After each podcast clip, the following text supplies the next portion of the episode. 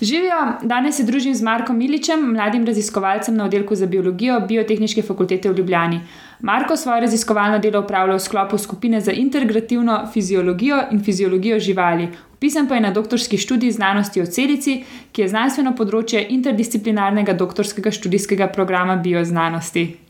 Živijo, Marko. Živijo. Torej, jaz bom začela kar z vprašanjem, ki počasi postaja stalnica v oddajah, ki jih jaz vodim. In sicer, ali mi znaš na kratko povedati, kaj je bila tvoja tema doktorata, kaj so bila glavna vprašanja?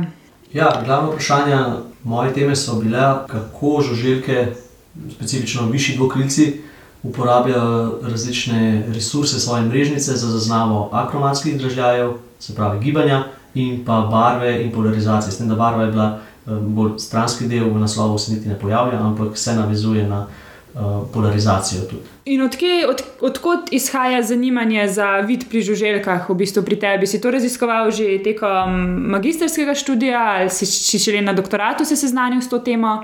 Odkje je zanimanje za to? Um, jaz sem se z vidom žuželka srečal točno tako, kot si rekla, z, mislim, z zdravo magistrske naloge. Um, fiziologija me je že odkar sem v srečo na fakulteti uh, izjemno zanimala sem pristopil v skupini mentorjev in gotovo, da mi je to všeč. On mi je ponudil takrat eno raziskavo na um, zajedavcu pri Palmah, Palmo Rilčkar, uh, povzročil ogromne škode, pa nas ne, pa nas je zajedel samo na uh, koperskih palmah, tako da ni bilo večje škode, razen estetske. Um, na plantažah palm je pa večja škoda bila s tem. Tako da takrat sem vstopil v ta svet fiziologije in pa specifično vidne fiziologije in od takrat naprej se me drži. Um, in potem tega palmovega rilčkarja nisi raziskoval tekom doktorata, ne, kot, kot sem jaz eh, zasledila v tvoji nalogi. Um, na kaj si se pa usmeril v doktoratu? Ja, v doktoratu smo se pa usmerili na bolj znano skupino, še posebej zaradi eh, modelnega organizma vinske mušice, se pravi višjih, višjih um, muh. Um, Natančneje se pa zanima, kako rečeno, uh, akromatska zaznava in barvni vid, oziroma polarizacijski vid.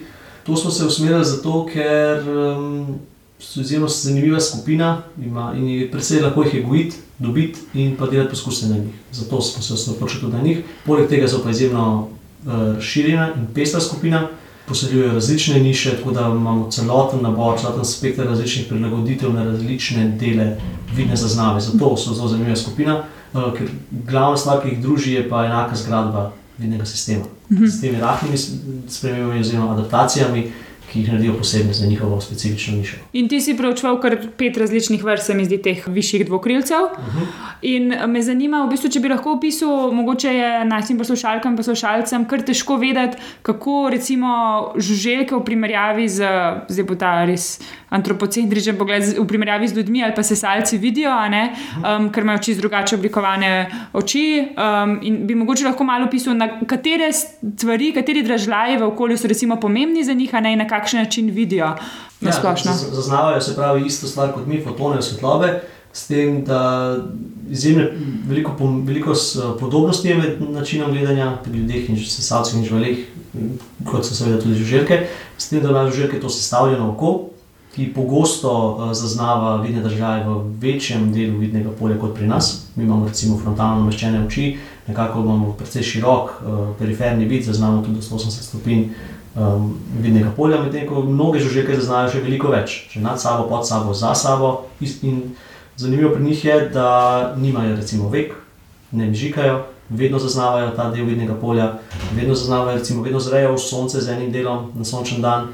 Posebnost pri njih pa je, da hitro se v kakšnih starejših filmih pojavlja ideja, da vsak omatidi, vsako to očesce, sestavljenega očesa, zazna celotno sliko in da se potem um, isto vidno vidni motivi preslikajo vsako očetje kot cela slika, pa ni res. To so samo preprosti pikseli, tako kot jih recimo naši fotoaparati znajo in naše oči. S tem, da glavna razlika med našimi in njihovimi očmi je, da imamo mi eno lečo, eno zenico in lahko celotno mrežnico skupaj uh, ali adaptiramo za svetlo ali temno. Oni imajo pa to prednost, da lahko posamezno očetje s svojimi notranjimi mehanizmi uravnava količino svetlobe, ki pride noter. Tako da jaz bi si predstavljal, da je njihov vid izjemno izjemno zanimiv, ker lahko dinamično prilagajajo zaznavo v vsakem delu vidnega polja posebej.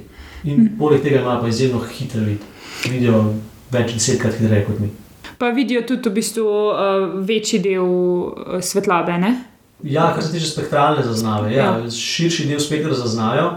One lahko zaznavajo tudi v UV-ju, medtem ko mi ne, ultravioletna svetloba. Za nas bi bila škodljiva. En izmed argumentov je tudi to, da če bi mi, zarali, če mi zna, lahko zaznali ultravioletno svetlobo, bi bili pri 20 letih starosti recimo že slepi. In to za take organizme, kot smo mi, ne pride prav.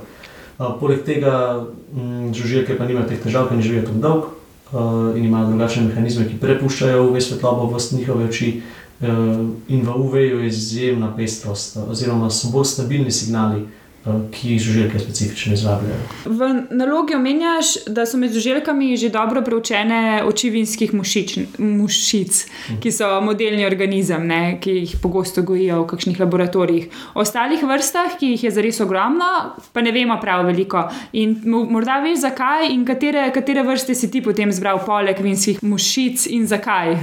Ja, jaz bi rekel, da ravno zato se nam zdi, da, je, da so raziskave na določeni skupini podhranjene, zato ker je ta skupina tako ogromna. Se mogoče absolutno gledano niti niso tako slabo, slabo raziskane, ampak največkrat glavni argumenti, zakaj se je kakšna skupina odloči za neko specifično vrsto, je, da mora ta vrsta biti nekako na, na mejah sposobnosti zaznave točno določenega države, ki ga želiš uh, preučevati. Mora biti uh, dostopna, ker si ne želiš otežiti uh, življenja s tem, da imaš žival dostopno samo dva tedna na leto. Uh, če se le da, je dobro, če se lahko goji uh, in je dostopna kadarkoli. Tudi velikost je izjemno pomembna, kajti recimo vinska mušica je zelo moč, zelo dobra vrsta za različna genetska orodja in mikroskopske analize, um, ampak za elektrofiziologijo je pa precej um, zahtevna za raziskovati. Tako da se tudi poslužujemo večjih vrst, ki so tudi um, lažje za delo, daljše poskuse omogočajo. Um, mi smo v naših raziskavah zaradi specifike naloge vzeli um, nekak, uh, nabor petih vrst, ker smo želeli zajeti nižje predstavnike višjih delkricev in više predstavnike, ker, ker se razlikujejo glede na obarvanost oči, specifično pigmentiranost mrežnice.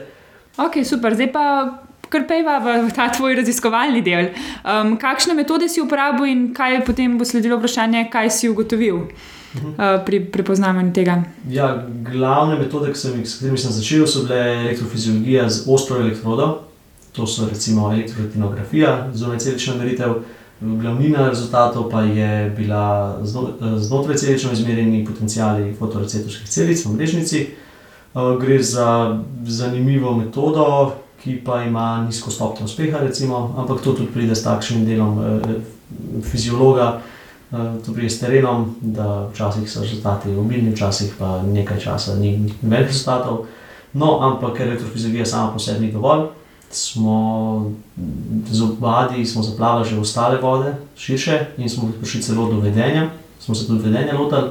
Uh, in smo na večjih nivojih, nivojih uh, ugotavljali, kako zaznavajo. Poleg tega smo se pa seveda, če, če nekje raziskujemo, je dobro uh, si predstavljati, kako to izgleda. Smo tudi se poslužili mnogih uh, mikroskopskih metod, med njimi tudi ena zelo zanimiva, za katero smo šli v Grac, uh, ki imajo prilagojen elektronski mikroskop, uh, kjer smo lahko serijske rezine istega vzorca rezali in gledali pod mikroskopom, brez da vzorec dajemo ven iz mikroskopa in s tem dobili izjemno dobro poravnane mikrografije, s katerih smo potem lahko ugotovili celotno strukturo mrežnice, vsaj enega kosa mrežnice. Super, pri, pri vseh teh živalih, ki si jih preučeval. Ne, Pri... to smo se osredotočili samo na obade, Na obade. je časovno zamudno in pa tudi finančno. Okay. In potem, kaj, do kakšnih ugotovitev, oziroma kako, pa, kako bi pa zdaj opisal ta očesa, oziroma v čem se razlikujejo od, od recimo že poznanih oči vinskih mušič, re- recimo pri obadih, kaj so njihove posebnosti, kaj je drugače, kako zaznavajo. Ja, vinska mušica, kar se tiče vidne fiziologije, je precej um, preprosta, ima zelo majhno število teh očes, teh pikslov in mislim, če se ne motim, da jih ima samo 800 na vsako oko. Zdaj, glede na to, da jim pokrivajo izjemno široko vidno polje, so te piksli izjemno veliki. Kar vinske mušice niti ne predstavlja problema, saj je zelo letargičen letalec, počasi leti v zaprtih prostorih, oziroma tudi zunaj, ampak se nekako drži bližine objektov. Um, kljub temu, da so ugotovili, da lahko preleti tudi velike razdalje v ravni črti, za kar uporablja tudi uh, polizirano svetlobo. No, ampak v primerjavi z njimi so pa obadi veliko večji, veliko bolj aktivni in imajo veliko več um, očesc, se pravi, njihov vid je veliko bolj, veliko više ločljivosti ima kot prvo. Ima hitrejše in boljše fotoreceptorje, zato ker je hitrejši letalec in zato rabite hitrejše inpute v vidnih sistemov, zato da lahko um, se hitreje odzove na spremembe. To je recimo glavna razlika med tema dvema vrstama, s tem, da oba uh, je že zelo zanimiva vrsta, zato ker um, seveda je ekonomsko pomembna, ker zajeda um, in noti goveda na, na pašnikih. Um, tudi, seveda, horsefly po angliško pri konjih uh, sesa in zdaj ljudje imajo radi svoje konje, tako lepe kot so, jih ne marajo pokrivati, če se le da, konji imajo zelo nežno kožo, ne moramo s kakšnim koli preparati zraven prijeti, uh, hitro reagirajo na to. Tudi zato so zelo pomembni, pomembne te raziskave na njih. Torej, zdaj smo večino govorili o elektrofiziologiji in o tem načinu preučevanja, omenil si pa tudi, da si v bistvu vedenski eksperiment na koncu, da ste naredili. Kaj pa je, bila, kaj pa je bil namen tega? Ja, namen vedenskih poskusov sem se osredotočil predvsem na obade, ker, izjemno, ker imajo izjemno dobro razvit po, pravi, polarizacijski vid. Zelo nekaj poskusov osnovnih je že bilo narejenih na, na polaritaktičnem vedenju. In želeli smo preveriti, kako se pravi, z anatomijo smo že ugotovili, kako izgleda njihova mreža, kako je sestavljena, z elektrofiziologijo smo ugotovili, kakšen je spektralni nabor, oziroma nabor spektralnih občutljivosti fotoreceptorskih celic. Pa smo se na koncu želeli vprašati, kako te signale oni integrirajo. Sleči so te spektralne občutljivosti precej ločene med sabo, če pa ima nekaj prekrivanja in z določenimi um, vedenskimi poskusi oziroma z določenimi postavitvami smo želeli ugotoviti, kako posamezne fotoreceptorske razrede v mrežnici uporabljajo za zaznavo recimo, živali na pašniku. In tega smo se lotili uh, s takim dost, um, upamo, robustnim poskusom, kjer smo pod uh, kvadratnim meter velikimi dolgoprepustnimi ali, ali pa samo prepustnimi filtri obesili črne svetleče se ali mat žoge. S tem smo lahko kontrolirali, se pravi, z zbiro filtra smo kontrolirali svetlobo, ki pade na žogo, z površino žoge pa smo kontrolirali, ali je ta površina polarizirana ali ne. Se pravi, lahko smo izbirali med polariziranimi in nepolariziranimi dražljaji, kjer smo lahko odstranili recimo UV, UV in modro, ali pa jim recimo spustili skozi samo modro svetlobo. In na različne načine smo ugotovili, da obadi uh, celotno svojo mrežnico uporabljajo za zaznavo polariziranih dražljajev, na zelo zanimive načine. Ki odgovarja tudi literaturi, tako da je kar lepo podprto. Um, mogoče ne vem, če smo že omenili, kaj pa je funkcija te polarizirane svetlobe, že žuželke kako uporabljajo, oziroma zakaj je pomembna. Ljudje imamo to nesrečo, da polarizirane svetlobe ne moremo zaznati s svojimi očmi, ker je naša mreža tako sestavljena, kot je. Um, mnoge žuželke jo pa lahko zaznavajo in jo s pridom uporabljajo, ker so iz, v naravi linearno polarizirana svetloba precej pogost motiv in pa nudi zelo robustne signale, zelo stabilne. In najstabilnejši in najbolj um, široko uporabljen je polarizirani vzor, polariziran vzorec uh, neba, ki nastane že sam zaradi relijevega sipanja ob prehodu svetlobe skozi atmosfero mm. in je izjemno robustno. Recimo naj, naj, najlepši eksperimenti s tem so bili narejeni dolgo nazaj, že Karl von Frisch je na čebelah delal in je ugotovil, da čebele se lahko orientirajo po soncu, tudi kadar je sonce recimo za oblakom in je viden en del neba, kjer sonca ni, ampak še vedno so lahko, glede na tisti vzorec, ki ga mi ne zaznamo, ugotovili, kje sonce je in se spet ravnali naprej po tem sončnem kompasu. Hm, okay. Vse, recimo. Pa tudi glavni, glavni motiv, poleg, poleg eh, polariziranega neba, je tudi eh, polariziranost vodnih teles. Zdaj, ali že želka želi najti vodo in priti do nje, ali se hoče izogniti, da se recimo ne ujame v to vodno past. Uh, ko smo se dogovarjali za to snemanje, si omenil, da čez štiri tedne že greš na Japonsko. Ne? In potem sem pač zvedela, da greš na uh, podoktorsko izobraževanje tja, oziroma podoktorski študij. Mhm. In me zanima, um, si bil že prej na Japonskem, si že prej delal kakšen del raziskav na Japonskem in kako to, da, da, da tako daleč stran, oziroma zakaj si izbral Japonsko? Ja, spet je, spet je to uh, slučaj. Uh, naš laboratorij je laboratorij v Hajami, uh, blizu Tokija skupine profesorja dr. Kave. Uh, sodelujejo že aktivno, že kar nekaj časa, so se srečali na simpozijih, še preden sem jaz pristopil k tej katedri.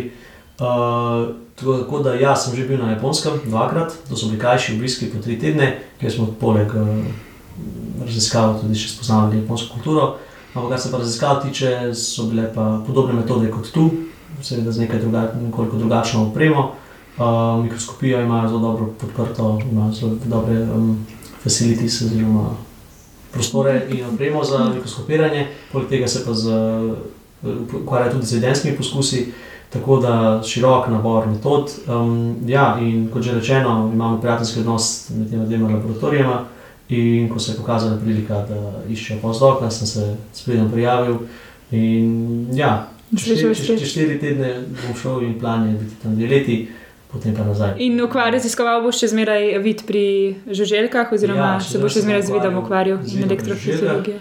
Tako je elektrofiziologija, mikroskopija, verjetno tudi nekaj vedenskih poskusov, le da bom zamenjal uh, modelni organizem, kajti tam je že tradicionalno dolga leta eh, njihov osnovni model um, Lastovičar, Metul, papilijo Xutus, uh, ker ga znajo vzgajati, ga imajo v hladilnikih praktično gube in jih lahko kadarkoli eh, razvijajo. Tako da je ta japonski pristop eh, k raziskavam, da imaš um, organizem na voljo 365 dni v letu.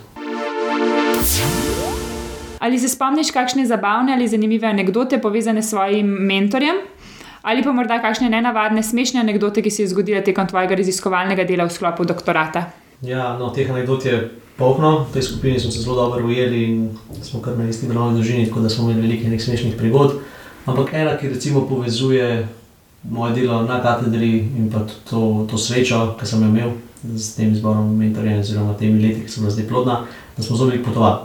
Uh, in ena zanimiva anekdota se je zgodila, ko smo bili v New Yorku na obisku pri enem, enem profesorju in nas je, kot uh, poleg raziskav in strokovnih debat, pelil ven na suši.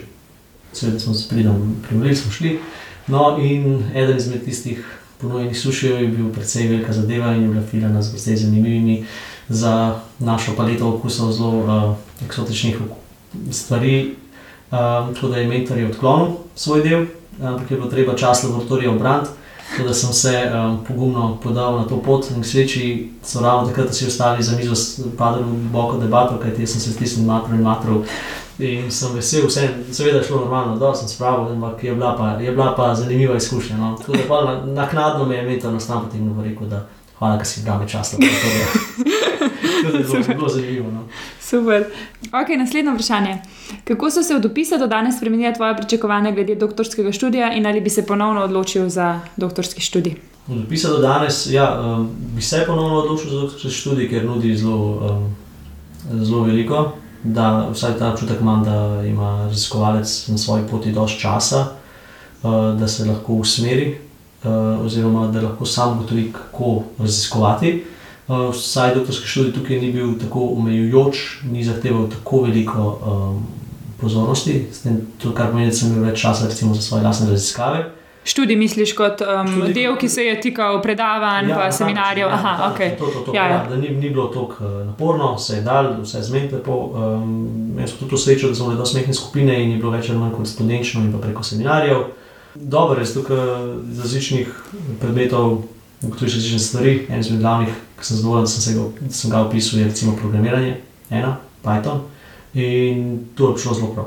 V Pythonu nisem pa veliko delal, ampak te osnove programiranja, programskega jezika uh, pride pa zelo prav za vse ostale jezike. Zdaj bom pa jaz preskočila eno vprašanje, pa te bom kar vprašala. Um, bi Python tudi priporočil drugim doktorskim študentom, da se ga naučijo, oziroma zakaj je uporaben? Pa imaš mogoče še kakšen drug računalniški program ali tehniko z upravljanjem s časom, ki bi jo priporočil? Ja, tako je. Zdaj, kar se tiče, zdaj več ali manj ljudi delam z računalniki. Zdaj. Hvala Bogu, ne rišemo več grafov na kar papir, ampak jih lahko izrišemo na računalniku. Tako da sam Python ja, je samo en izmed programskih jezikov. Jaz bi ljudem priporočil, naj se naučijo programiranja. Osnove so posod enake, samo jeziki so nekoliko drugačni. Tako da, se v enem naučiš uh, razmišljati, uh, vse ostale ni več problem preiti. Tako da, ja, za tiste, ki so statistično bolj navdahnjeni, se R sprva zdi izjemno eh, staromoden in in kompleksen, ampak se da. In ko se enkrat prebiješ čez te osnove programskih jezikov, uh, je programiranje izjemno uporabna stvar, ker omogoča zelo hitro analizo, ponovljivo in pa kadarkoli lahko vmes kaj spremeniš. Kar se tiče pa drugih programov, bi definitivno predlagal, um, ja, naj, da, da se ljudje poglobijo v svoje programe, ki jih uporabljajo. To ugotoviš na koncu. Um, recimo že pisanje magistrske naloge je zahtevalo uh, veliko nekih frustracij z Wordom, recimo Microsoftovim. Ampak potem ugotoviš, da je precej zmogljiv, če ga znaš, če se ga lotiš, kot se spodob. Tako da za tiste, ki so šele na začetku svoje poti in že mogoče razmišljajo o kakšnih zapiskih ali pa kako oblikovati izdelek, eh, ta izdelek je najboljši, kar zelo se ga tako, da se ga že cel strukturira sproti. To je recimo, se pravi, poraba samega Worda. Kar se tiče pa dobrih programov za um, analizo, je seveda tukaj Matla, ampak vedno bolj v spredje prihaja Python, vedno več raziskovalcev se odloča za Python, tukaj je odprto koden in je brezplačen, Matlab je le plačljiv. Uh, bi pa priporočil recimo program od, od podjetja GraphPad, imenuje se Prism, trenutno je mislim, da je verzija 7 in je zelo uporaben za za statistične analize um, in pa za grafični prikaz rezultatov. Um, pa se vrniva zdaj nazaj, še na vprašanje, kaj boš počel čez 5 in kaj čez 40 let. Ja, zdaj, čez pet let, to bo, mislim, upam, da bom recimo imel še kakšnega pozdravka v Sloveniji, potem ko se vrnem iz Japonske, to je tam bližnja, še vedno se želim ostati v raziskovalnih vodah, me pa tudi mika recimo eh, pedagoške vode, kakšne predavanja, kakšne vaje, kaj tasga, tako da bom videl, kam bo pot zanesla, če se še kaj tasga ponudi, čez 40 let, ko bom star 68, ja, tako da upam, da bom še zmerno v raziskovalnih vodah, ampak to bo se že mejilo, upam, da na, na um, po penzijo in na ta način. Ampak ja, še vedno si pa zanimiv biti eh, v raziskovanju. Priporočilo za knjigo, igro, film, spletno stran ali podcast. Pri tem vprašanju sem se odločil, da bi dal priporočilo za eno namizno igro, ki so mi jo prijatelji podarili in je nekako tudi vezana na tematiko biologije. Imenuje se uh, Evolution, Climate in je zelo dobra, ker um, nekaj ljudi spoznajo, kako evolucija recimo, lahko deluje. Je, je nastala tudi v sodelovanju z nekaterimi vodilnimi biologi na tem področju.